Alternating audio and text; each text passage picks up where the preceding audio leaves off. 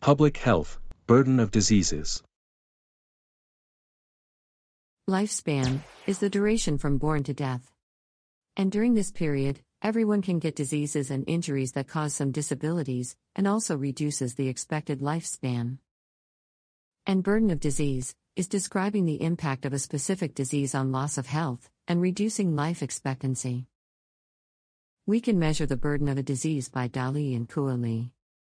DALY, or disability adjusted life years, can be calculated by adding the years of life lost to premature death, with a year's lost due to disability. So, in general, one DALY is equal to one lost year of fully healthy life. Measuring burden of disease by DALY can be crucial for making decision of overusing resources. Let's say a health sector receives $100,000 donation and wants to use it in the most health beneficial way.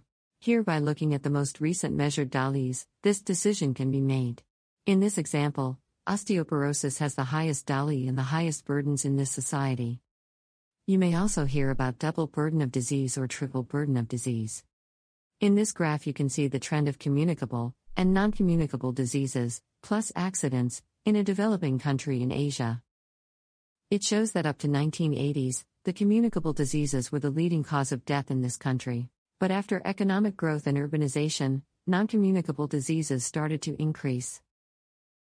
And when both communicable and non communicable diseases had equally high prevalences, the country was experiencing a double burden of diseases. And if the accidents were also rising, then we were calling it the triple burden of diseases. Thank you for watching.